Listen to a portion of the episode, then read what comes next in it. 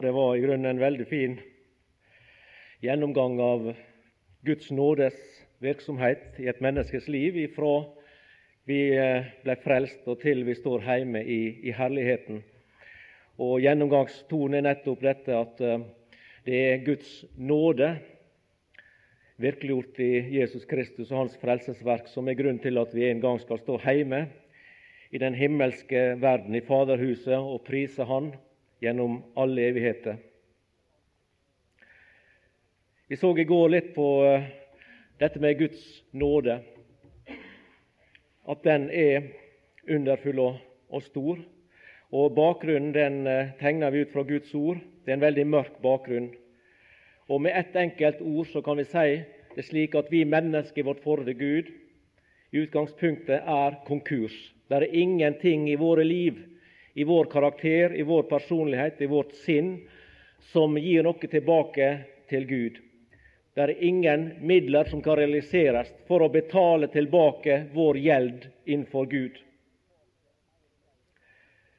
Men det som er det herlige, og det som er evangeliet i, i dette mørket, det er at Jesus han kom og betalte alt. Alt er gjort, siterte vi fra en sang. Gud har gjort alt som gjøres skal. Det skjedde på Golgata gjennom hans stedfortredende død og hans triumferende oppstandelse. Og gjennom hans himmelfart og hans himmelske liv i dag, der han lever til vår fordel innenfor Faderens trone. Og Ut fra Romerbrevet 8 så nevnte vi kort om at Guds kall til oss, rettferdiggjørelsen, helliggjørelsen, herliggjørelsen, alt sammen det skjer av og ved og i og gjennom Jesus Kristus og den nåde Gud viser gjennom Han. Gjelden er betalt, synda er utsletta. Alle våre misgjerninger tilga Han oss, slik som Kolossenserbrevet 2, vers 13 uttrykte det. Alt er av nåde, frelsen er fri, fri som den luft du puster uti. Så når vi bare kort skal sette to-tre linjer på det som vi var inne på så langt, så er dette med rettferdiggjørelsen. At vi som syndige mennesker blir rettferdiggjort, det er av nåde.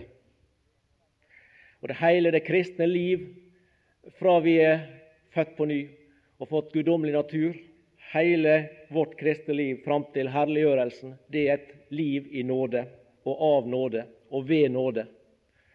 Og herliggjørelsen, det å oppleve å møte den Herre Jesus Kristus ansikt til ansikt og bli Han lik, og gå inn i en evighet sammen med Han, det er også av nåde. Nådefulle Gud, synger vi en sang. Synd du sletter ut. Jesus tok all synd som sin, derfor også min. Det er evangeliet. Det er den nåden som Gud åpenbarer til frelse for syndere, og som Han også åpenbarer gjennom den kristnes liv hele veien. Vi skal se mer på det etter hvert. Nå vil jeg stille spørsmålet hva er nåde? Hva betyr nåde? Hva betyr denne nåden som vi er frelste ved, og som vi lever av? Og Det er mange ulike definisjoner på nåde. Jeg skal nevne noen få måter en kan si hva nåde er for noe i denne sammenheng. Og En måte å si det på det kan være at nåde det er Guds frie og ufortjente behandling av skyldige syndere, som egentlig hadde fortjent evig dom og straff. Det er Guds nåde. At du og jeg, som i utgangspunktet er syndere og skyldige for Gud, og har fortjent evig dom og straff. Vi blir behandla av Gud på fritt og ufortjent grunnlag, bare av Hans egen frie vilje, Hans nåde, og Hans kjærlighet.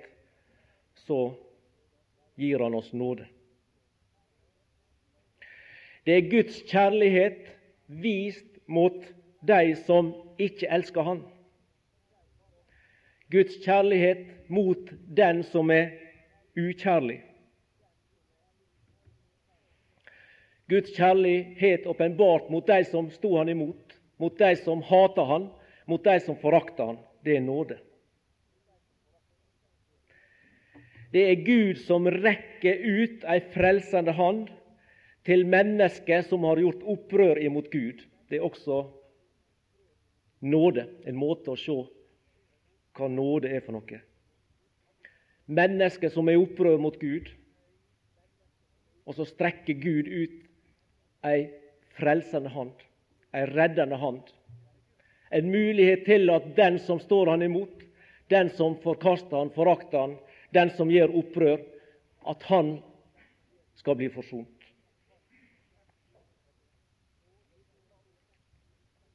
Nåde står i direkte motsetning til fortjeneste, til gjerninger, for vår del.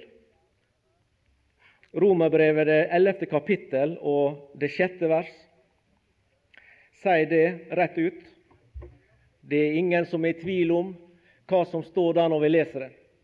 Og ingen kan være i tvil om at dette skillet er veldig skarpt. Romerbrevet 11, vers 6. Men er det av nåde, da er det ikke mere av gjerninger. Ellers blir nåden ikke mere nåde. Men er det av nåde, da er det ikke mer av gjerninger. De to tinga de skiller seg fra hverandre totalt. Enten så er det nåde, og vi aksepterer Guds behandling av oss i nåde. Men så forkaster vi nåden, og så går vi inn på en måte å forholde oss til Gud på der vi tar sjansen på våre egne gjerninger, våre egne prestasjoner, vårt eget liv og det vi kan prestere og få ut av våre liv. Det vil vi presentere for Gud og spørre om ikke det er godt nok. Da er det ikke lenger av nåde. Da satser vi på gjerninger. Enten nåde eller gjerning.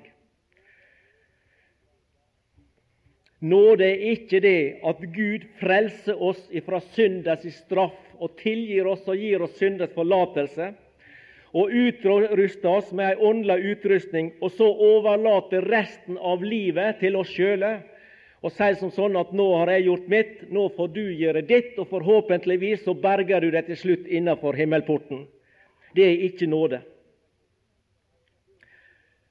Filippenserbrevet, det første kapittel, uttrykker Guds handlemåte i våre liv.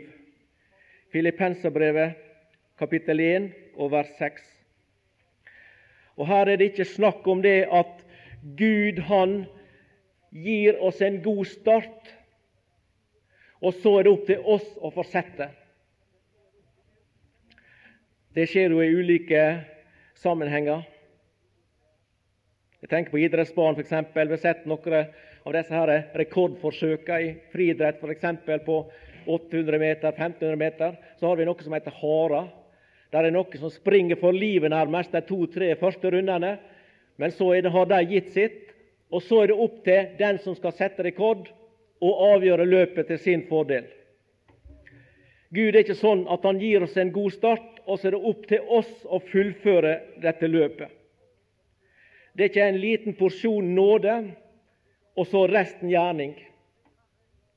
Men her står det og jeg er full viss på dette, at Han som begynte en god gjerning i dere, vil fullføre den inntil Jesu Kristi dag. Gud han begynte med oss. Han handla med oss i nåde. Han begynte en god gjerning. Og denne gjerning i nåde vil han fullføre inntil Jesu Kristi dag. Det viser her at Gud han handler med oss i nåde fra begynnelse til slutt, fra start til mål. Og det må vi akseptere. Enten aksepterer det fullt ut, at vi ble frelst av nåde, at vi lever i troen som nå, i nåde, at vi blir herliggjort av nåde. Eller så må vi si nei takk til Guds nåde og handle på egne vegne og satse på våre egne prestasjoner og våre egne gode, rettferdige gjerninger, at de skal stå seg for Gud. John Newton, han som er, har brukt denne overskrifta eh, på eh, temaet, henta fra hans sang 'Amazing Grace'. Han sier det fordi han har sett dette på samme måten. Så sier han i et av versene sine slik Det nåden var som berga meg, og vil meg bæra heim. Han hadde sett det. Han levde i en stadig, daglig erkjennelse av sin egen konkurs. Ikke bare at han var konkurs da han kom til Gud og opplevde nåd til frelse, at han ble berga ifra døden og til livet, fra Satans makt og til Gud. Men han erkjenner også i sitt daglige liv, daglige liv som en troende at denne nåden vil virke og bære han hele veien hjem. Det nåden var som berga meg og vil meg bære hjem. Og Paulus han spør oss i dag, deg og meg, slik som han sporer galaterne, som vi var inne på i, i går fra Galaterbrevet 3, vers 3. Dere som begynte i ånd, sier han, vil dere nå fullende i kjøt? Vil dere nå målet ved menneskelige prestasjoner? Dere som begynte i ånd, dere som tok imot evangeliet, fikk Kristus malt som korsfesta for dere øyne, og tok imot, åpna dere for budskapet og, og, og ble frelst. Vil dere nå legge nåden til side? Vil dere nå forkaste den nåde som frelste dere, og som har båret dere hit til? Og vil dere for resten av livet satse på gjerningene? Det som han omhandler her, det hører vi Natt var inne på tidligere i dag, omskjærelsen. Det var dette at noen kom og sa det er ikke nok bare å gi seg over til Gud og bli frelst, men eh, dere må bli som eh, oss jøder, dere må bli omskåren. Men han sier ikke det spesielt her, at eh, vil dere nå fullende som omskårne? Så det ser ut som Paulus her ikke bare tenker på den spesielle tingen, men han snakker generelt om alle slags gjerninger, alle slags prestasjoner, alt vårt eget, og spør dem generelt vil dere satse på deres egne ting og si farvel til det Kristus har gjort. Og Det er et spørsmål som gjelder i dag også. Vil vi leve i nåden? Vil vi erkjenne vår totale avhengighet av Guds nåde til enhver tid i våre liv? Eller vil vi si nåden farvel og satse på oss sjøle? vårt eget kjøtt og våre egne prestasjoner. For Gud, slik som Bibelen uttaler det i hvert fall, så er det bare én ting som gjelder, og det er Kristi fortjeneste og Hans verk. Det er kun det som gjelder for Gud. Hvis vi blar i Galaterbrevet til eh, kapittel 5 eh, og leser et par vers der, kapittel 5 og vers 2-4 og så vil jeg etterpå lese fra Efeserbrevet 2 også, noen få vers der. Der står det slik, skal vi se at det, der er en sammenheng. Bibelen holder fram en sammenheng mellom Kristus og nåden, som vi ser her. Galaterbrevet kapittel 5 og fra vers 2. Se, jeg, Paulus, sier dere at dersom dere lar dere omskjære, så vil Kristus intet gagne dere. Atter vitner jeg for hvert menneske som lar seg omskjære, at han er skyldig å holde hele loven. Dere er skilt fra Kristus, dere som vil rettferdiggjøres ved loven. Dere er falt ut av nåden. Og i Efeserbrevet 2, fra vers 4 til 7 Kapittel 2, vers 4-7. Men Gud, som er rik på miskunn, har for sin store kjærlighets skyld, som Han elsket oss med, gjort oss levende med Kristus, enda vi var døde ved våre overtredelser. Av nåde er dere frelst, og oppvakt oss med Ham, og satt oss med Ham i himmelen i Kristus Jesus, for at han i de kommende tider kunne vise sin nådes overvettes rikdom i godhet mot oss i Kristus Jesus. Her ser vi at i Galaterbrevet så sier Paulus skilt fra Kristus, falt ut av nåden. Det å være skilt fra Kristus, det er å falle ut av nåden. Og faller du ut av nåden, så er du skilt fra Kristus. Og Efeserbrevet sier gjorde oss levende med ham. Levende gjort med Kristus. Av nåde er dere frelst. Av nåde er dere frelst. Og Det betyr at i og med det er dere gjort levende med Kristus. Og så kommer hensikten med denne levendegjørelse, med denne frelse. Og det er at Han som gjerne vil vise sin nådes overvettes rikdom i godhet mot oss i Kristus Jesus som Guds barn og troens folk. Kristi fortjeneste, Kristus og det Han har gjort, og Guds nåde blir her brukt om hverandre.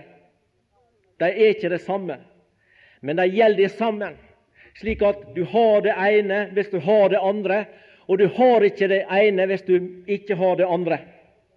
Har du Kristus, så eier du nåden, og har du nåden, så lever du i Kristus. Vi kan ikke erfare det ene uten også å erfare det andre. Og Guds nåde, den kommer først. For det var på grunn av Guds nåde at Jesus Kristus kom til denne verden. For så har Gud elska verden en kjærlighet fra evighet av, som på et gitt tidspunkt, da tidens fylde var der, så sendte han Gud ut sin sønn den enbårne. Han utsendte sin sønn, født av en kvinne, osv. Så, videre. så har Gud elska verden, at han ga sin sønn den enbårne, for at hver den som tror på Han, ikke skal fortapes, men ha evig liv. Og På denne Guds kjærlighet og på denne Guds nåde så ble Jesus Kristus sendt inn i denne verden, og så tilveiebrakte han frelsesverket og gjorde det mulig for Gud i etterkant av det å ta opp syndere og rettferdiggjøre dem, enda det at de i utgangspunktet er ugudelige, er urettferdige, er vanhellige. Så kan Gud på et rettferdig grunnlag rettferdiggjøre slike mennesker.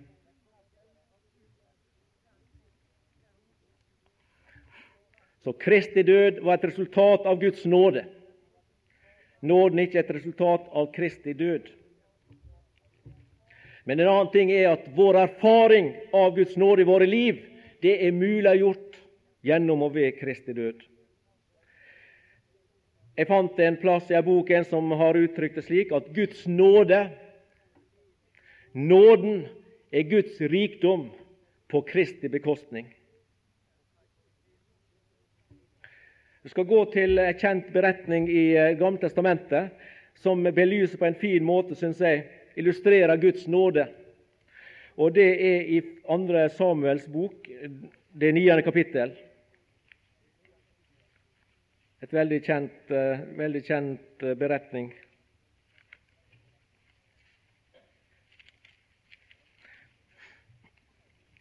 Det er David som sier det slik i vers 1 der, er det ennå noe tilbake av Sauls hus, så jeg kan gjøre vel mot ham for Jonathans skyld.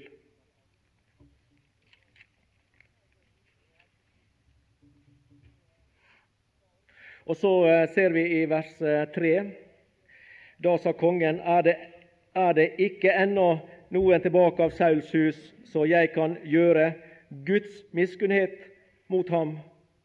Siba svarte, det er ennå én sønn av Jonathan, en som er lam i begge føtter. Så sendte kong David bud og hentet ham fra Makirs, Amiels sønns hus i Lodebar. Og I vers 11 ser vi hvordan det gikk. Da sa Siba til kongen.: Din tjener skal i alle måter gjøre således som min herre kongen befaler sin tjener. Kongen sa, men Mefiboset skal ete ved mitt bord som en av kongens sønner.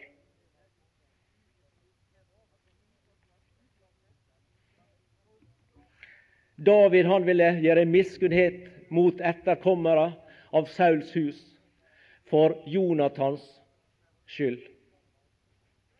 For Jonathans skyld. Det blir sagt flere ganger nedover her. Og Hvis vi tenker på Far i himmelen som David og Jonathan som den Herre Jesus, og etterkommere av Sauls hus som syndere, syndere, så gjelder det samme evangeliet. Jeg syns det er en veldig fin illustrasjon på evangeliet. Guds nåde åpenbart i den nye pakt. Gud spør også i dag er det noen av Adams falne ett som jeg kan gjøre miskunnhet imot, som jeg kan vise nåde mot, som jeg kan få frelse og vise min godhet og min kjærlighet imot for den himmelske Jonathans skyld, den Herre Jesu Kristi skyld. Og så er det en her og en der. Ja, det var en, enda en. Det var en Mefiboset. Og så er det en Mefiboset her og en der rundt omkring i denne verden også, som erkjenner og som sier ja, en av disse falne, er en synder. Jeg vil gjerne bli behandla av Guds nåde. Fire ganger står her at han åt ved kongens bord. Vi skal komme tilbake til det. Det var et vers som ble sitert i formiddag, som jeg noterte meg, for jeg syns det passet inn i denne sammenhengen her. For Jonathans skyld. Det var et vers i Salme 106 i vers 8. Det var i forbindelse med Israels folk og utgangen av Egypt og, og vandringa i ørkenen. Der står det sånn Salme 106, vers 8.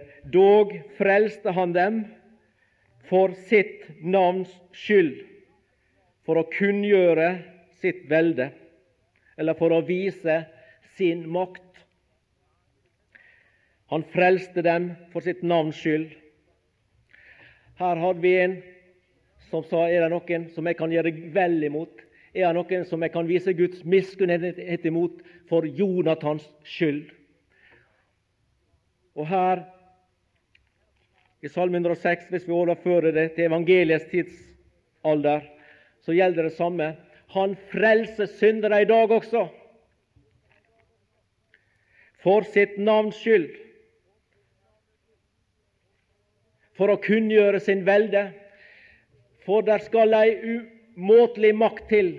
Der skal ei umåtelig kraft til.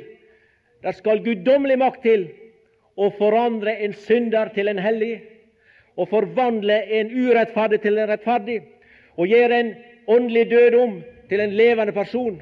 Det er kun Guds allmakt som kan gjøre.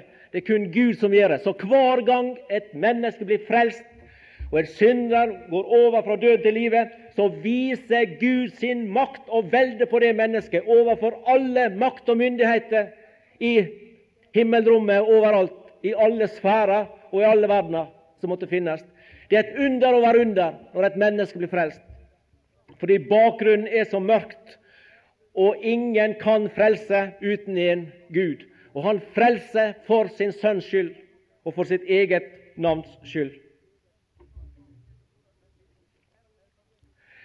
Og så opplevde denne Mefiboset å bli tatt ifra den plassen han var, der han satt, sikkert i fattigdom og i trange kår, og hadde det vondt og vanskelig av sitt handikap. Han var lam i begge beina. Han kunne ikke springe omkring og farte hit og dit som han ville. Han var sterkt låst til den plassen han var. Og så ble han løfta opp ifra denne sin tilstand og stilling og satt inn i kongens hus og like inn til kongens bord. Og fire ganger, som sagt står her i vers 7, vers 10, vers 11 og vers 13, er det nevnt dette uttrykket 'ete ved mitt bord'.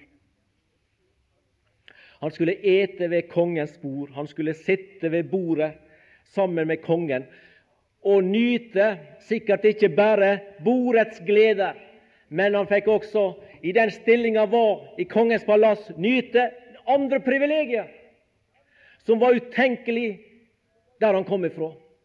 Så det var et nytt liv for Mefiboset. Et nytt innhold. Det gamle var forbi. Alt var blitt nytt i hans liv, i hans stilling. Nå var han nær kongen. Han ble behandla som en av kongens sønner.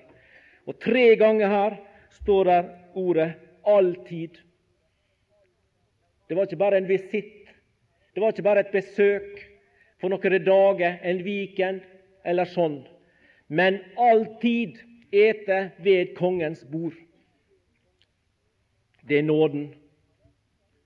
Å bli løfta ut av sin for, forrige situasjon, stilling og tilstand, og satt inn i en ny stilling innenfor Kongen, innenfor Gud, i Jesus Kristus. Og så skal vi alltid, alltid ete ved kongens bord.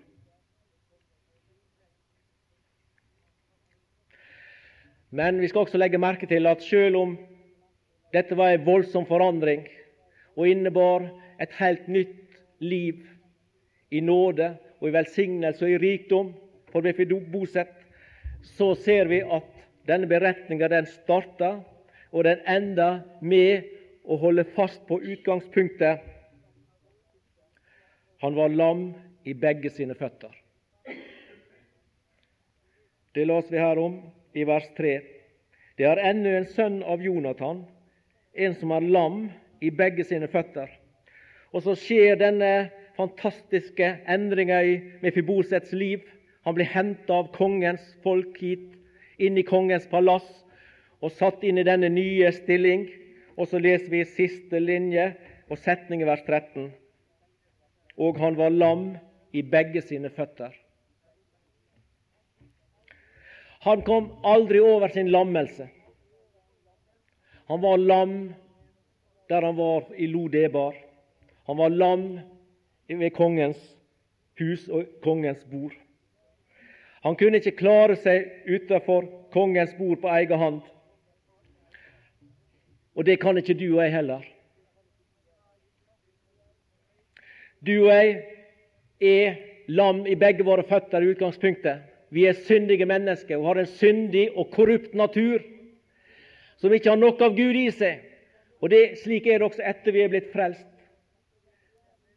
Og Den drar vi med oss inn i det nye livet, ikke inn i herlighetslivet, men her på jord, i hans familie, i den himmelske slekta, med alle de privilegier det fører med seg, så skal vi, og må vi erkjenne til enhver tid, vi er fremdeles lam i begge våre føtter. Og Det betyr at vi er avhengige av nåden nå som før. Vi kan ikke prestere noe.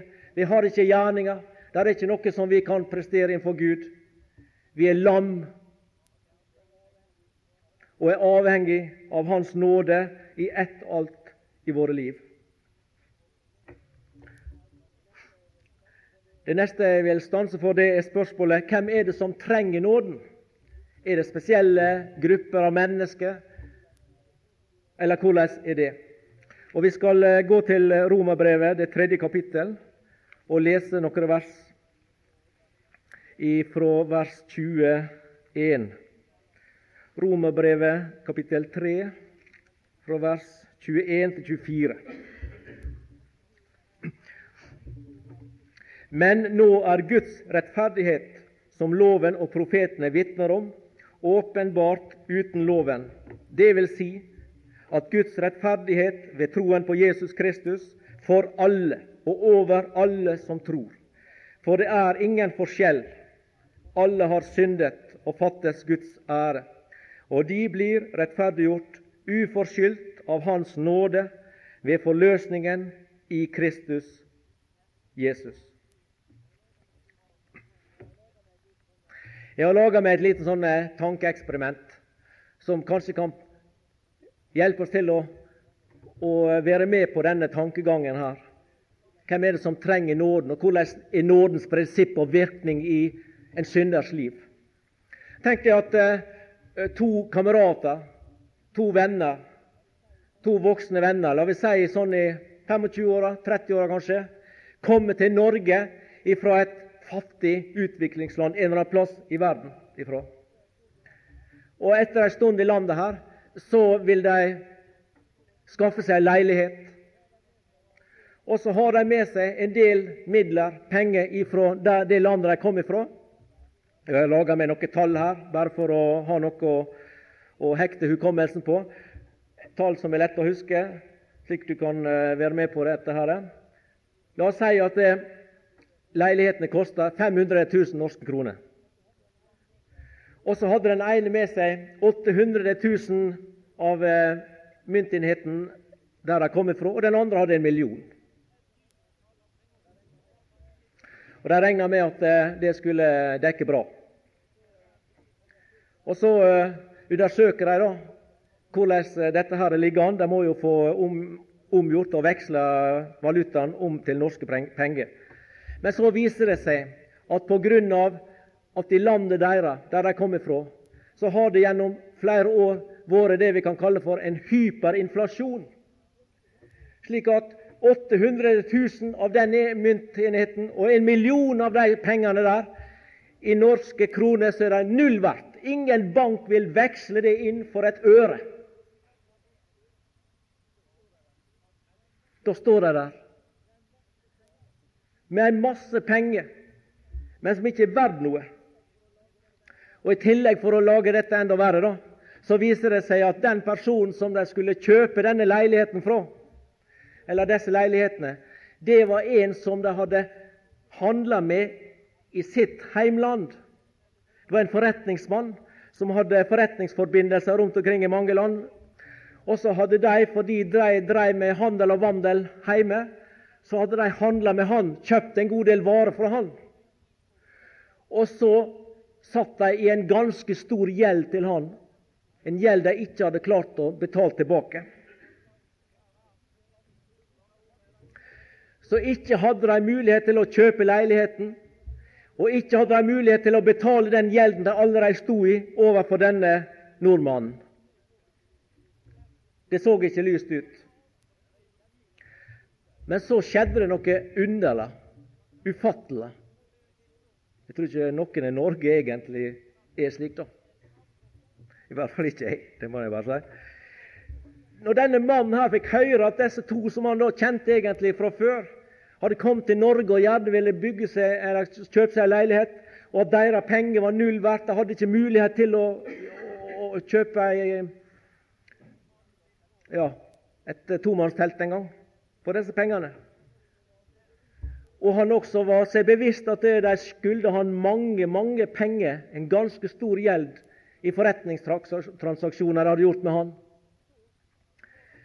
Så tar han kontakt med dem, besøker dem, tar seg en prat, ber dem med på kafé, får en kopp kaffe, te eller hva de drikker når disse folk er fra det landet, som ikke jeg vet navnet på. Og så snakker de om disse tingene her. Og så kommer han med et tilbud, og så sier han jeg stryker all den gjeld dere står i til meg.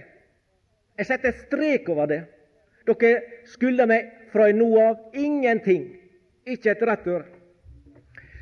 Og I tillegg så skal du og du få hver deres leilighet av meg, gratis. Skal ikke betale noe. Den har jeg betalt. Og I tillegg så er leilighetene fullt møblert. Der er møbler i stue, soverom, bad overalt. Og I tillegg til det så betaler jeg all strøm, all renovasjon, all kommunale og interkommunale og statlige og internasjonale hva det kan være, utgifter på disse leilighetene livet ut.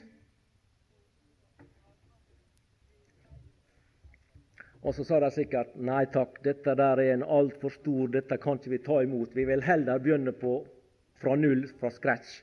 Og så prøve så godt vi kan å jobbe oss fram gjennom noen år. Og kanskje vi om 30 år eh, har fått oss et lite hus, og kanskje vi om 80 år kan betale tilbake litt av den gjelden som du, eh, vi står i. Vi kan ikke godta. Vi kan ikke gå inn for det.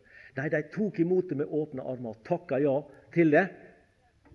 Og levde som Mefiboset ved kongens bord resten av sitt liv. Dette er oppdikta, selvfølgelig.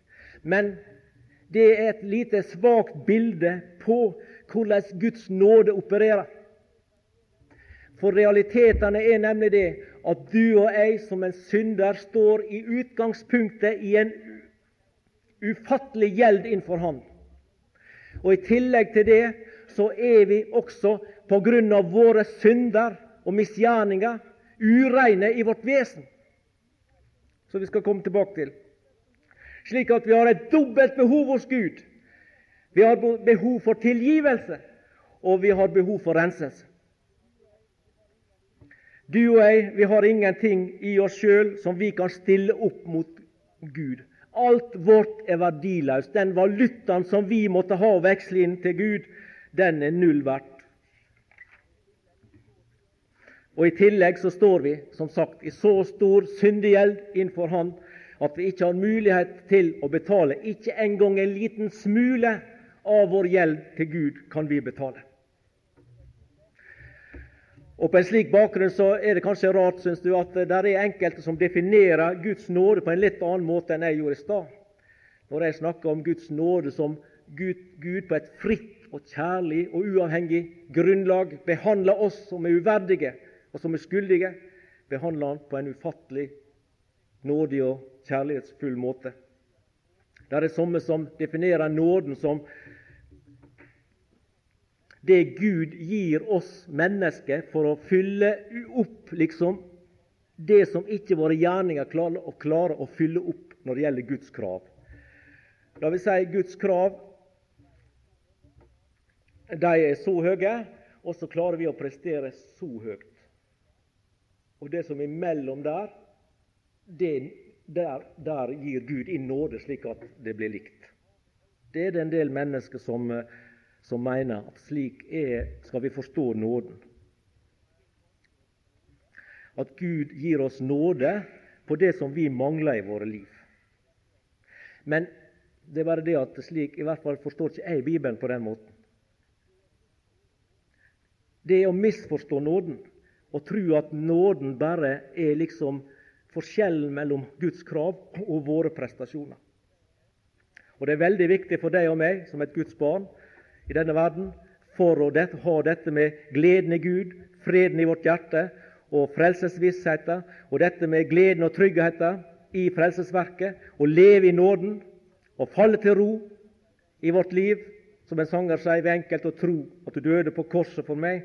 Da er det viktig at vi har et rett og et bibelsk rett bilde av innholdet av hva nåden betyr og er for noe. Nei, nåden det er Guds godhet og kjærlighet imot oss mennesker. Det Det at Han handler med oss i kjærlighet og godhet og miskunnhet uten at du og jeg på noen måte har fortjent det. Og Resultatet av denne Guds nåde den begrenser ikke seg bare til syndenes forlatelse, men den innbefatter alt det som Gud gjør for et frelst menneske. Eh, og Da går vi til eh, Romerbrevet, det åttende kapittel, og leser et kjent vers der, og det er vers 32.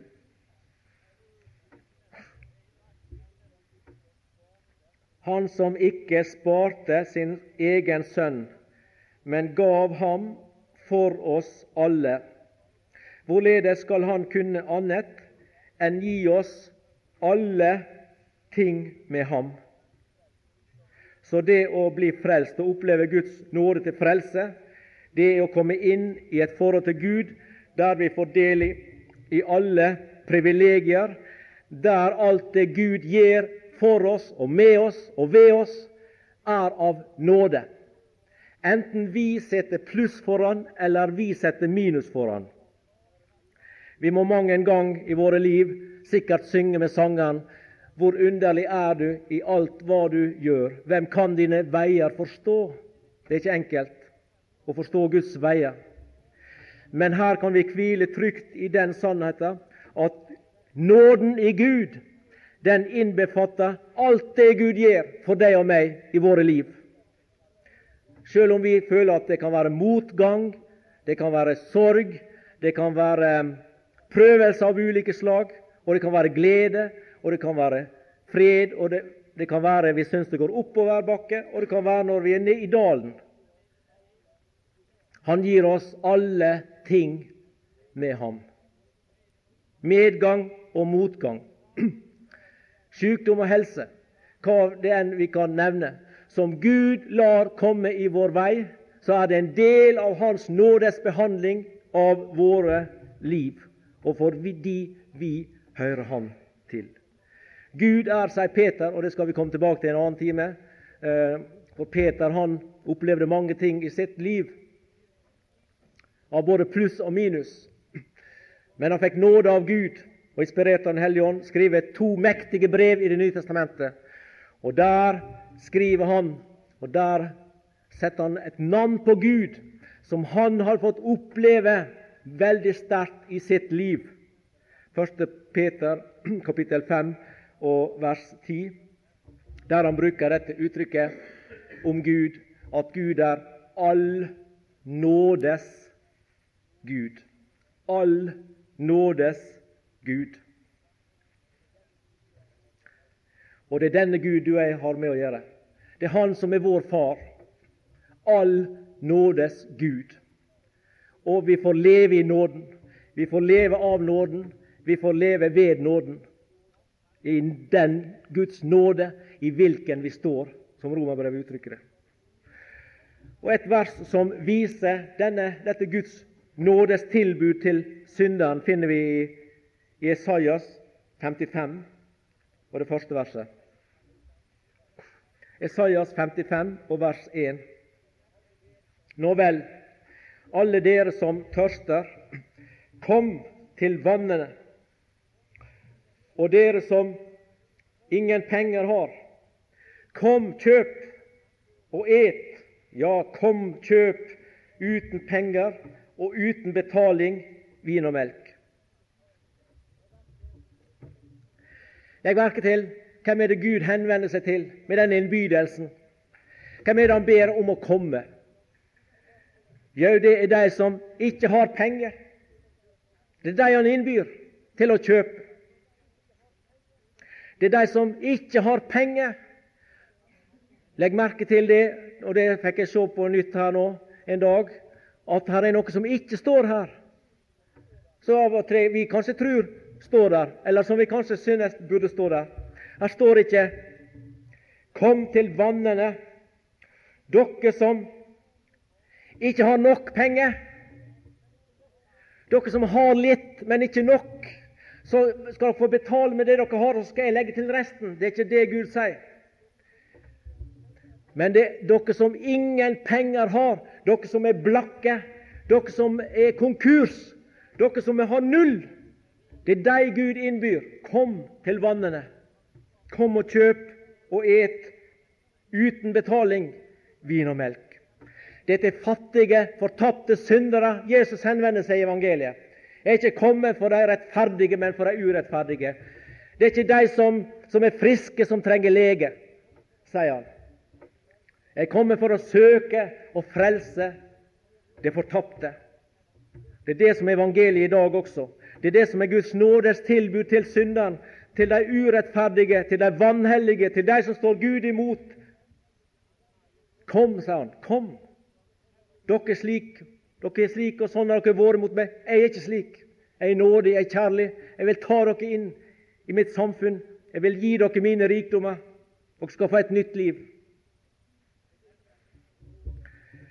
Det er det som er nåde. At Gud innbyr den som ingenting har, og så innbyr Han den som ingenting har, og så vil Han dekke ifra da av og livet ut alle kostnader.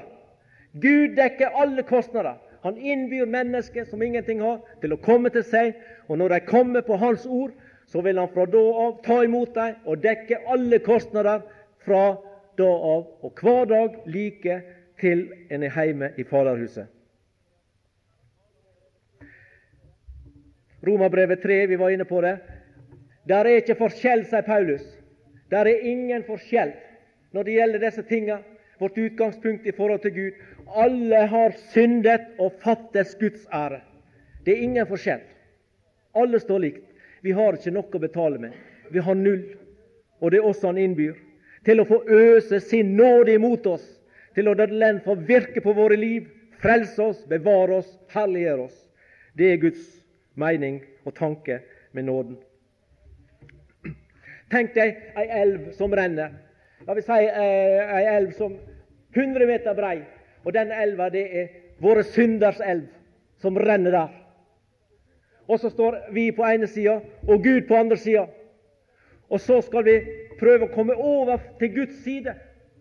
Vi må komme over slik at syndene våre ikke lenger skal ha noe, noen grunn til avstand mellom oss og Gud. Vi må komme oss over. Og det sier seg sjøl. Vi er jo forskjellige, alle vi som er her. Noen de klatrer og bestiger disse tindene oppi her, og andre kan bare se med misunnelse på dem at ja, ja, ok, gå i gang. Men eh, vi andre vi liker bedre sofakroken. Vi er stor forskjell. Og det er klart at Hvis jeg nå tok meg litt eh, sånn springfart og hoppa, så hopper jeg kanskje tre meter ut eh, i denne elva. Jeg klarte ikke å hoppe 100 meter. Noen av dere klarte kanskje å hoppe tre meter og fem meter. Vi kunne invitere han Carl Louis, og han kunne hoppe 8 meter og 50 kanskje. Men heller ikke han kom seg over. Det var i grunnen nytteløst å hoppe. Selv om alle hoppa forskjellig, så hoppa alle likt på den måten at ingen kom over. Og når Gud da, i den Herre Jesus Kristus, bygger ei bru over denne syndens elv, så bygger ikke han brua, og så stopper han 15 meter fra andre kanten og så sier han, nå har jeg bygd brua så langt, nå må du hoppe over resten. og Kommer du deg over, så kommer du deg over. Faller du det, så går du fortapt. Nei, han har bygd ei bru som går helt over i den Herre Jesu Kristi frelsesverk. Slik at når en synder tar imot budskapet, så blir, går han over fra døden til livet. Fra Satans makt og til Gud. Helt over. Og han får syndene sine tilgitt og utsletta for alltid. Skal vi komme tilbake til en annen time. Men vi mennesker Nett var inne på det at en, en, av sine timer at Martin Luther var en av de som jobba hardt for å rettferdiggjøre seg, for å bli godtatt av Gud. Han streva og kava. Men de fleste av oss gjør ikke det. De fleste av oss bryr ikke seg om å streve og kave for å komme til himmelen. De fleste mennesker, tror jeg, i hvert fall de jeg kjenner, de syns de er gode nok slik som de er. Akkurat der de er. Så i stedet for å streve på å, å hoppe disse 100 meterne over på den andre sida, så de, er de ganske smarte, og så bare er de elva smalere. Slik at jeg som bare kan hoppe to meter, jeg gir syndens elv to meter, og så hopper jeg over og syns jeg er veldig grei og god, jeg er snilt menneske og alt mulig sånt. Og Gud må jo øh, synes jeg er grei, og alt dette. Sånt, sånn gjør mange mennesker. De innrømmer ja, selvfølgelig at de ikke er fullkomne, men de, de i stedet for å erkjenne sin konkurs, så er de så vel tilfreds med seg sjøle, og så bare gir de avstand til Gud mindre og sier at OK, jeg klarer meg vel slik som jeg er. De er fornøyde med sin egen rettferdighet. Og Vi finner et eksempel på det, en lignelse av Jesus i Lukas kapittel 18. Skal lese litt der. Lukas evangeliet i det 18. kapittel. Jesus han forteller en lignelse der, og jeg skal lese først vers 9, for der står det i grunnen nokså klart hva dette dreier seg om. Lukas 18, vers 9. Han sa også denne lignelse til noen som stolte på seg selv at de var rettferdige, og foraktet de andre. Og De fleste mennesker de er her på samme måten. De, er, de stolte på seg sjøl og syntes de var rettferdige. De var tilfreds med, med livet sitt. De syntes de var ok mennesker og mener som sånn at Gud kan ikke kreve noe mer av meg enn en, en, slik som jeg er nå.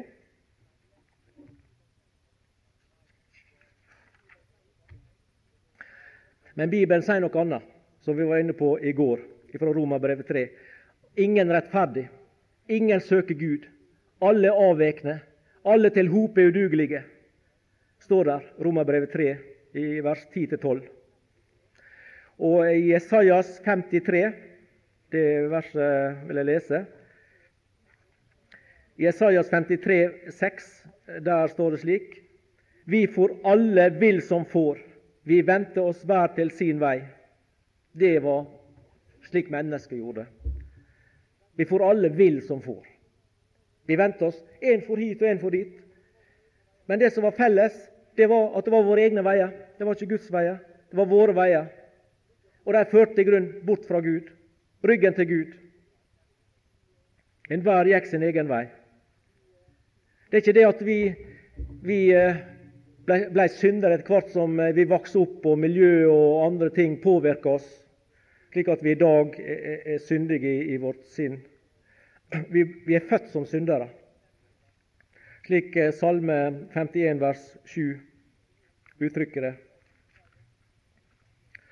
David som sier det. Salme 51 vers 7.: Se, jeg er født i misgjerning, og min mor har unnfanget meg i synd. Det han beskriver her, er det, det vi kaller for den syndige natur. Arven fra fedrene. Dette at eh, samt hvor uskyldig et nyfødt barn er, så har det en natur i seg. Det har far og mors natur, som igjen har sin far og mors natur, osv. bakover til våre første foreldre. Vi bærer fra generasjon til generasjon med oss fallets konsekvenser i vår, vårt sinn, i vår natur. Vi er syndere.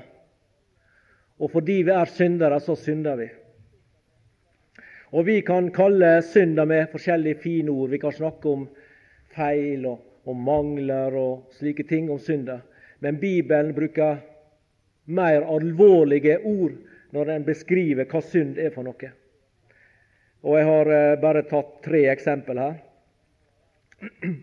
Tredje Mosebok, kapittel 16.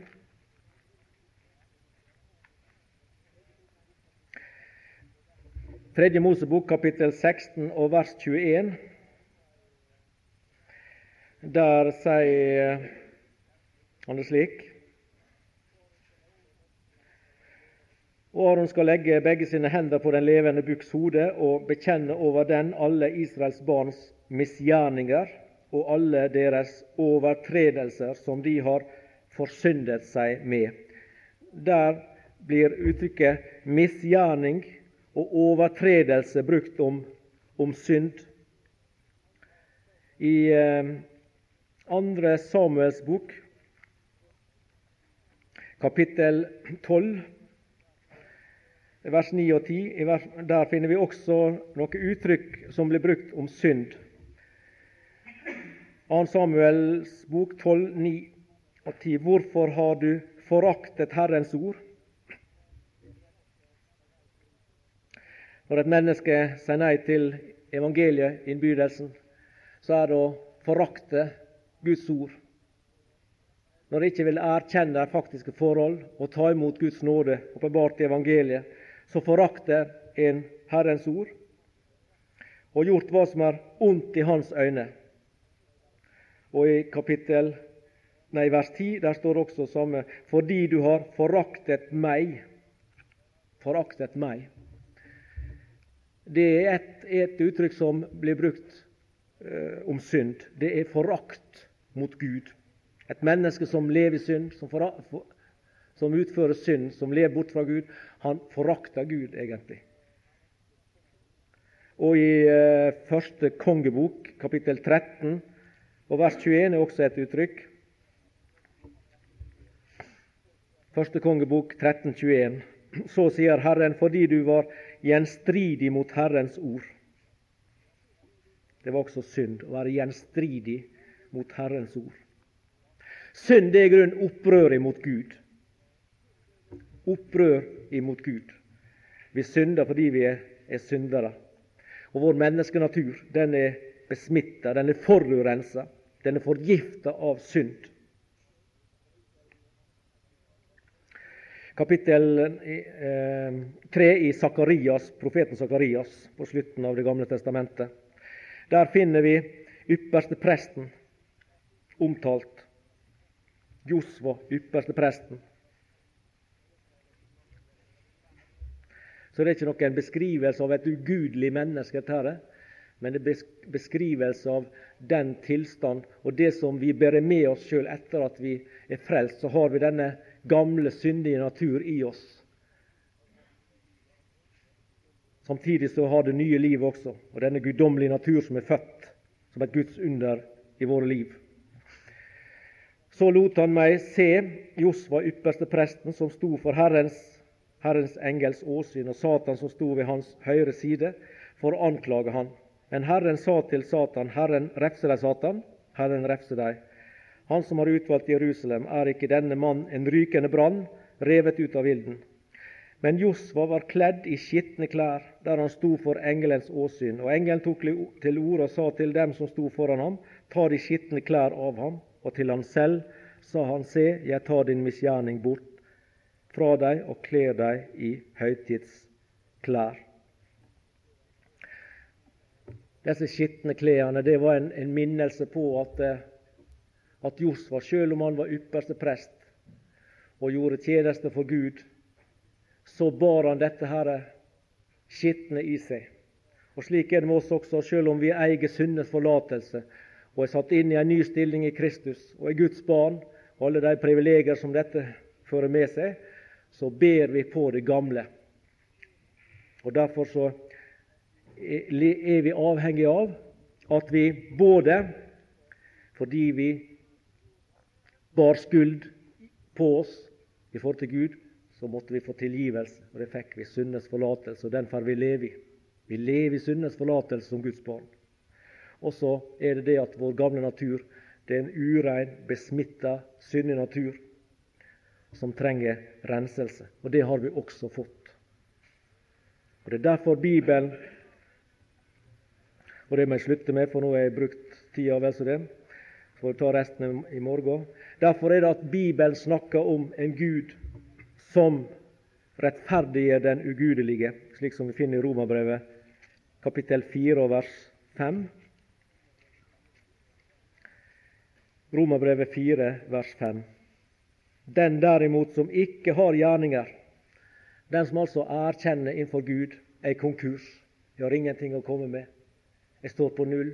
Jeg er ikke bare det. Jeg står i stor gjeld og skyld til Gud som jeg aldri kan få betalt. Den derimot som ikke har gjerninger, men tror på Ham som rettferdiggjør den ugudelige, ham regnes hans tro til rettferdighet. Og I kapittel 10 og vers 20 der sier Esaias om Gud.